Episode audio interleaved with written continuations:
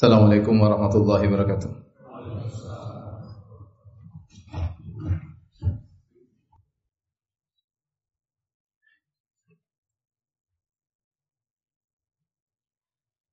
إن الحمد لله. إن الحمد لله نحمده ونستعينه ونستغفره ونتوب إليه ونعوذ بالله من شرور أنفسنا ومن سيئات أعمالنا.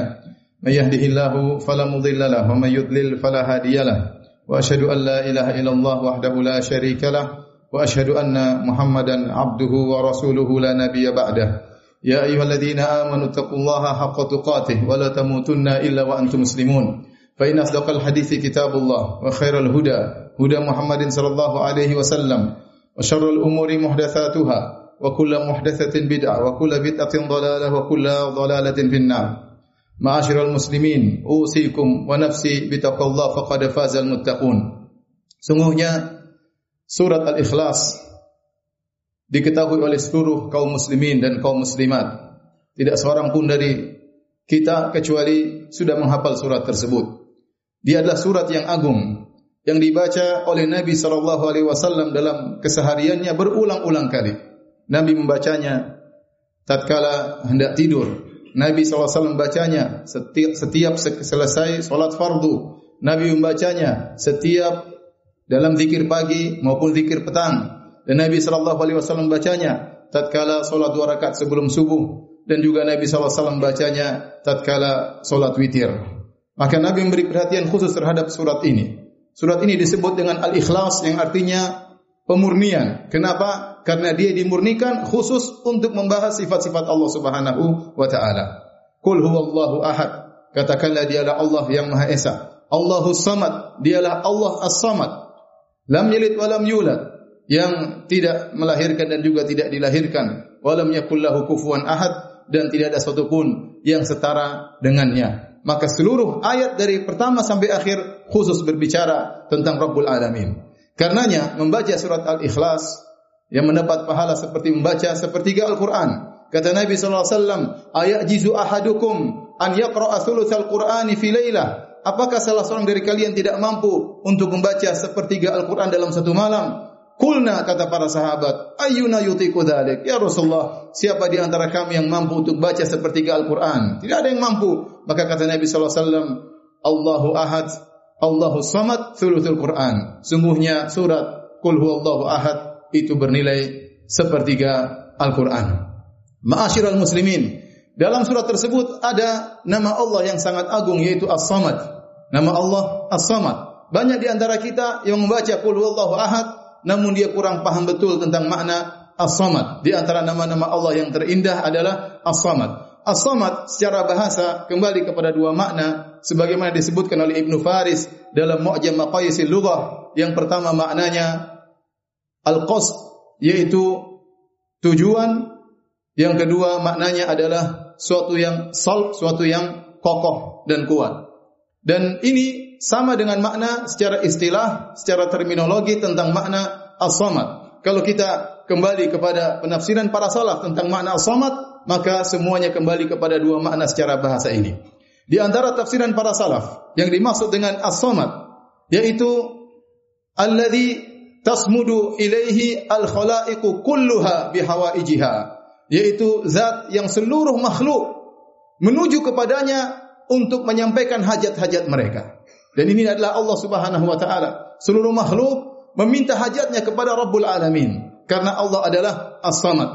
Di antara tafsiran salaf tentang As-Samad yaitu alladzi la jawfa fihi yang tidak ada rongga padanya. Dan ini berbeda dengan zat-zat selain Allah Subhanahu wa taala. Maka zat Allah tidak ada rongga padanya sehingga Allah Subhanahu wa taala tidak makan dan tidak minum dan tidak ada nafasnya. Sebagaimana penjelasan para ulama. Kata Allah Subhanahu wa taala wa huwa yut'imu wa la yut'am. Allah Subhanahu wa taala memberi makan dan Allah tidak dikasih makan. Allah Subhanahu wa taala berfirman wa ma khalaqtul jinna wal insa illa liya'budun ma uridu minhum min rizqin wa ma uridu ay yut'imun tidaklah aku ciptakan jin dan manusia kecuali untuk beribadah kepadaku aku tidak butuh ya mereka memberi makan kepadaku oleh karenanya zat yang memiliki rongga, yang butuh energi, yang butuh makan dan minum, maka itu adalah zat yang penuh dengan kekurangan. Adapun Allah Subhanahu wa taala tidak butuh makan dan tidak butuh minum karena dia adalah Maha kaya dan tidak membutuhkan makhluknya sama sekali.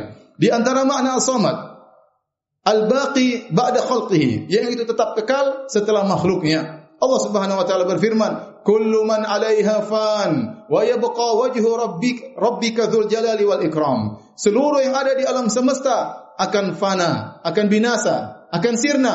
Yang tersisa hanyalah wajah Rabbmu yang penuh dengan kemuliaan yaitu Allah Subhanahu wa taala. Dan Allah dalam hadisnya kata Nabi sallallahu alaihi wasallam tentang Allah, "Huwal awwalu wal akhir." Dialah Allah yang Maha pertama wal akhir dan Maha terakhir. Dan al akhir adalah alladhi ya la ba'dahu syai, tidak ada sesuatu pun yang setelah Allah, dialah yang Maha terakhir. Kemudian di antara makna as-samad sebagaimana penjelasan Ibnu Abbas radhiyallahu taala anhuma. Beliau berkata, as-samad huwa sayyid alladhi kamula fi su'dadihi. Dialah pemimpin yang sempurna dalam kepemimpinannya. Asy-syarif alladhi kamula fi syarafih. Dialah yang mulia yang sempurna dalam kemuliaannya. Al-Hakim alladhi kamula fi hikmatihi. Dialah yang maha bijak yang sempurna dalam kebijakannya. Al-Alim alladzi kamula fi ilmihi. Dialah yang Maha mengetahui yang sempurna dalam ilmunya. Intinya Allah Maha sempurna dalam segala sifat-sifatnya. Seluruh sifat kesempurnaan, maka yang paling sempurna adalah sifat-sifat Allah Subhanahu wa taala. Dan ini adalah makna As-Samad yang hendaknya diketahui oleh seorang muslim tatkala dia membaca qul huwallahu ahad, Allahus samad. Semakin kita mengenal Allah Subhanahu wa taala, maka kita akan semakin cinta kepada Allah Subhanahu wa taala. Sebagaimana pepatah kita tak kenal maka tak sayang. Seorang ingin mencintai Allah Subhanahu wa taala ingin semakin khusyuk dalam salatnya ingin semakin tentram dalam baca Al-Qur'annya maka dia berusaha mengenal nama-nama Allah Subhanahu wa taala dan mengenal sifat-sifat Allah Subhanahu wa taala. Di antaranya nama Allah As-Samad أقول هذا القول وأستغفر الله لي ولكم ولسائر المسلمين من كل ذنب وخطيئة فاستغفروه إنه هو الغفور الرحيم.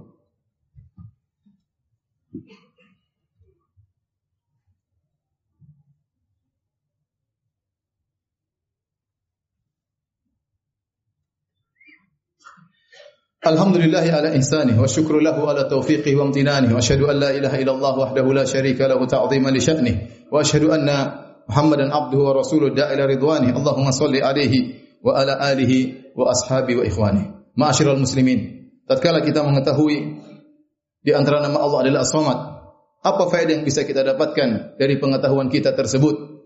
Yang pertama Allah Subhanahu wa taala berfirman walillahil asmaul husna fad'uuhu biha. Bagi Allah nama-nama Allah yang terindah maka berdoalah dengan nama-nama Allah tersebut maka di antaranya kita bisa bertawassul dengan nama Allah As-Samad tatkala kita mohon sesuatu kepada Allah Subhanahu wa taala. Sebagian dalam hadis Buraidah, sami'a an-nabi sallallahu alaihi wasallam rajulan yaqulu fi du'aihi. Ada seorang berdoa dan Nabi mendengar doanya. Lelaki ini berdoa dengan berkata, "Allahumma inni as'aluka bi anni ashhadu annaka anta Allah, la ilaha illa anta, al-ahadus samad, alladhi lam yalid wa lam yulad wa lam yakul lahu kufuwan ahad." Seorang laki berdoa dengan berkata, Ya Allah, sungguhnya aku mohon kepada engkau. Dengan bertawasul dengan aku bersaksi, bahwasanya engkau adalah Allah, yang tidak ada yang berhak disembah kecuali engkau, Ya Allah. Engkau adalah Al-Ahadus Samad, engkau Maha Esa dan engkau Maha As-Samad. Yang engkau lam yalid wa lam yulad, engkau tidak beranak dan juga tidak dilahirkan. Wa lam yakul lahu kufuwan ahad dan tidak ada satu pun yang setara dengan engkau. Maka tatkala Nabi mendengar doa orang ini, Nabi SAW berkata, laqad sa'ala Allah bi ismihi al-a'zam alladhi idza su'ila bihi a'ta wa idza du'iya bihi ajab. Sungguh orang ini telah memohon kepada Allah dengan nama Allah yang agung yang jika Allah diminta dengan nama tersebut maka Allah akan memberi. Dan jika Allah didoakan dengan didoa dengan doa tersebut dengan nama tersebut maka Allah akan mengabulkan doa sang hamba oleh kerana seorang tatkala dia berdoa di antaranya dia bertawassul dengan nama Allah yaitu As-Samad Kemudian di antara faedah dari kita mengetahui nama Allah As-Samad bahwasanya kita tahu betapa keji orang-orang yang menyatakan Allah punya anak. Karena di antara tafsiran As-Samad tadi Allah Subhanahu wa taala maha sempurna, tidak ada satu pun yang setara dengan Allah Subhanahu wa taala, alladzi lam yalid wa lam yulad, yang Allah tidak melahirkan dan juga tidak dilahirkan. Kata Allah dalam hadis qudsi diriwayatkan Imam Al-Bukhari, kata Allah Subhanahu wa taala, kadzdzabani ibnu adam wa lam yakun lahu dzalik wa syatamani ibnu Adam wa lam yakun lahu dzalik. Sungguhnya anak Adam telah berdusta atasku dan dia tidak pantas untuk berdusta atas atasku dan sungguh anak Adam telah mencaciku dan dia tidak pantas untuk mencaciku. Amma takdzibuhu iyaya. Adapun dia berdusta atas namaku, dia berkata lan yu'idani bahwasanya Allah tidak akan membangkitkan aku kembali. Ini pendustaan kepada Allah Subhanahu wa taala karena Allah sangat mudah untuk membangkitkan dia kembali. Wa amma syatmuhu iyaya. Adapun caci makinya kepadaku, qauluhu dia berkata ittakhadallahu waladan bahwasanya Allah telah mengambil anak. Allah punya anak. Maka Allah Subhanahu wa taala berkata wa ana al ahadu samad. Aku adalah yang maha esa dan aku adalah as-samad alladhi lam yalid wa lam yulad. Yang aku tidak melahirkan aku tidak dilahirkan. Wa lam yakun li kufuwan ahad. Dan tidak ada satu pun yang setara dengan aku. Oleh karenanya barang siapa yang mengatakan Allah punya anak maka dia telah yang mengingkari sifat somadiyah, sifat somatnya Allah Subhanahu wa taala dan dia dianggap oleh Allah telah mencaci Allah Subhanahu wa taala karena menunjukkan kekurangan sifat kekurangan yang dimiliki oleh Allah Subhanahu wa taala. Karena konsekuensinya kalau Allah punya anak, pada anak tersebut akan setara dengan Allah Subhanahu wa taala. Kemudian di antara faedah yang bisa kita ambil dari pengetahuan kita tentang makna as-samad bahwasanya Allah as-samad alladhi tasmudu ilaihi al-khalaiqu kulluha bi hawaijiha. As-samad adalah seluruh makhluk kembali kepadanya tatkala memohon pertolongan kepada Allah Subhanahu wa taala. Semua makhluk butuh kepada Allah Subhanahu wa taala. Dan Allah Maha Kaya dan Allah Maha Sempurna, sifatnya penuh dengan kesempurnaan. Tatkala kita tahu Tuhan kita Maha Sempurna, tatkala kita tahu bahwasanya kita butuh kepada Allah Subhanahu wa taala, maka kita berusaha tidak meminta kecuali hanya kepada Allah Subhanahu wa taala. Kita berusaha tidak berharap kecuali hanya kepada Allah Subhanahu wa taala. Kita merendahkan diri kita, memohon berdoa hanya kepada Allah Subhanahu wa taala. Maka sungguh celaka orang-orang yang tatkala mereka dalam kondisi terdesak, kemudian mereka minta kepada selain Allah Subhanahu wa taala. Mereka minta kepada wali-wali, mereka minta kepada nabi, mereka mereka minta kepada sunan-sunan, mereka minta kepada mayat-mayat di kuburan dan mereka meninggalkan al-fardus samad, al-ahadus samad, Allah yang Maha Esa dan yang membutuhkan kepadanya segala sesuatu. Oleh karenanya Nabi sallallahu alaihi wasallam dahulu mengajarkan kepada para sahabat, sebagian sahabat agar mereka tidak meminta kecuali hanya kepada Allah Subhanahu wa taala. Seorang sahabat berkata, Auf bin Malik al-Asja'i, "Kunna 'inda Rasulillah sallallahu alaihi wasallam." Kami di sisi Nabi sallallahu alaihi wasallam. Sekitar sembilan orang atau delapan orang atau tujuh orang. Kemudian Nabi berkata, "Ala tubayyi'una Rasulullah sallallahu alaihi wasallam? Tidakkah kalian membaiat Rasulullah?" Padahal kami baru saja membaiat beliau. Kami berkata, "Qad bayya'naka ya Rasulullah, kami sudah membaiat engkau wahai Rasulullah." Maka Rasulullah SAW berkata lagi, "Ala tubayyi'una Rasulullah? Tidakkah kalian membaiat Rasulullah?"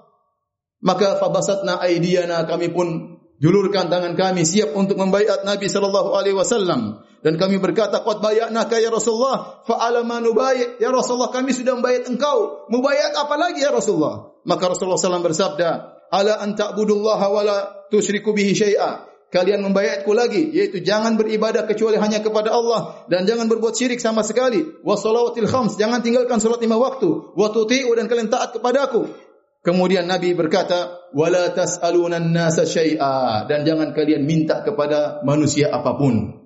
Sehingga falaqad ra'aitu ba'dha ulaika nafar yasqutu sautu ahadihim fama yas'alu ahadan yunawilu iya. Sungguh aku lihat salah satu daripada sembilan orang tersebut. Tatkala dia sedang naik tunggangannya, lantas cemetinya jatuh. Maka dia tidak suruh orang lain untuk mengambilnya. Dia turun sendiri untuk mengambil cemeti tersebut. Dia ingin menerapkan bayat dia kepada Nabi SAW. La tas'alunan nasa syai'a. Jangan minta kepada manusia sama sekali. Semakin orang tidak minta kepada orang lain, semakin kuat tauhidnya, semakin kuat tawakalnya kepada Allah Subhanahu wa taala, semakin rasa butuhnya kepada Allah semakin tinggi, semakin dia tidak butuh kepada orang lain. Nabi wasallam juga pernah berkata dalam hadis Sauban, "Man yatakaffali alla yas'alan nas, atakaffalahu bil jannah." Siapakah yang mau menjamin kepada aku tidak minta kepada manusia sama sekali, aku jamin baginya surga. Maka kata Sauban, ana ya Rasulullah, saya menjamin kepadamu, aku tidak akan minta kepada manusia sama sekali. Maka Rasulullah SAW jamin baginya surga. Oleh karenanya, di antara sabda Nabi sallallahu alaihi wasallam, Nabi berkata, "Atani Jibril." Jibril datang kepadaku. Faqala, kemudian Jibril berkata, "Ya Muhammad, isma syi'ta fa innaka mayyit." Kata Jibril, "Wahai Muhammad, hiduplah sesukamu, kau akan meninggal dunia." Wa ahbib man syi'ta fa innaka mufariquh. Cintailah siapa yang kau kehendaki ya Rasulullah, maka kau akan berpisah dengannya. Wa amal ma syi'ta fa innaka majziyun bih. Lakukan apa yang kau kehendaki, sungguhnya kau akan dibalas oleh Allah Subhanahu wa taala. Kemudian kata Jibril alaihissalam, "Wa alam anna syarafal mu'min qiyamuhu bil lail." Ketahuilah bahwasanya kemuliaan seorang mukmin adalah solat malamnya. Wa izzuhu istaghna istighna'uhu anin nas dan kejayaannya adalah dia tidak butuh kepada orang lain. Di antara doa yang diajarkan oleh Nabi sallallahu alaihi wasallam, Allahumma kfini bihalalika an haramika wa aghnini bifadlika amman siwak. Ya Allah, cukupkanlah aku dengan perkara yang halal dari perkara yang haram sehingga tidak butuh dengan perkara yang haram wa aghnini bi fadlika amman siwa. Dan cukupkanlah aku dengan karuniamu sehingga aku tidak butuh kepada selain engkau. Inna Allah malaikatahu yusalluna ala nabi Ya ayuhalladzina amanu sallu alaihi wa sallimu taslima Allahumma salli ala Muhammad Wa ala ali Muhammad Kama sallaita ala Ibrahim wa ala ali Ibrahim Innaka hamilum majid Wa barik ala Muhammad Wa ala ali Muhammad Kama barakta ala Ibrahim wa ala ali Ibrahim Innaka hamilum majid Allahumma gfir muslimina wal muslimat Wal mu'minina wal mu'minat Al ahya'i minhum wal amwat Innaka sami'un qaribun mujibu da'wat Wa yaqadhi al hajat اللهم آت نفوسنا تقواها وزكها أنت خير من زكاها أنت ولي مولاها اللهم اكفنا بحلالك عن حرامك وأغننا بفضلك عمن سواك. اللهم اكفنا بحلالك عن حرامك وأغننا بفضلك عمن سواك. اللهم اكفنا بحلالك عن حرامك وأغننا بفضلك عمن سواك. اللهم إنا نسألك الجنة اللهم أدخلنا الجنة ونعوذ بك من النار. ربنا آتنا في الدنيا حسنة وفي الآخرة حسنة وقنا عذاب النار وأقيم الصلاة.